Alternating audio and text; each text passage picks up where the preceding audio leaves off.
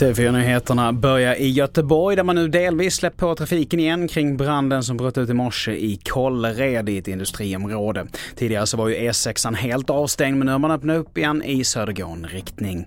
Orsaken till branden utreds i nuläget som misstänkt grov mordbrand. Och vidare till att en fransk turist blev attackerad av en isbjörn i sitt tält i natt på Svalbard. Kvinnan blev lyckligtvis inte allvarligt skadad och björnen kunde skrämmas iväg efter att skott avlossades. Nej, när det gäller isbjörn så blev den eh, eh lokaliserad av eh, politi och artsförvaltare från sysselmästaren. Eh, björnen eh, var hårt skadad, så hårt skadad att den måste avlivas. Eh, och den är då brakt in till Longyearbyen. Och i inslaget här så hörde vi Stein-Ola Bredli som är överintendent på Svalbard. Och till sist, i helgen så utsågs Dua Lipa till hedersambassadör för Kosovo. Den brittiska sångerskan är uppvuxen i London men har kosovoalbanskt ursprung och fick redan 2018 ta emot huvudstaden Pristinas nyckel av borgmästaren. Fler nyheter hittar du på tv4.se. Jag heter Mattias Nordgren.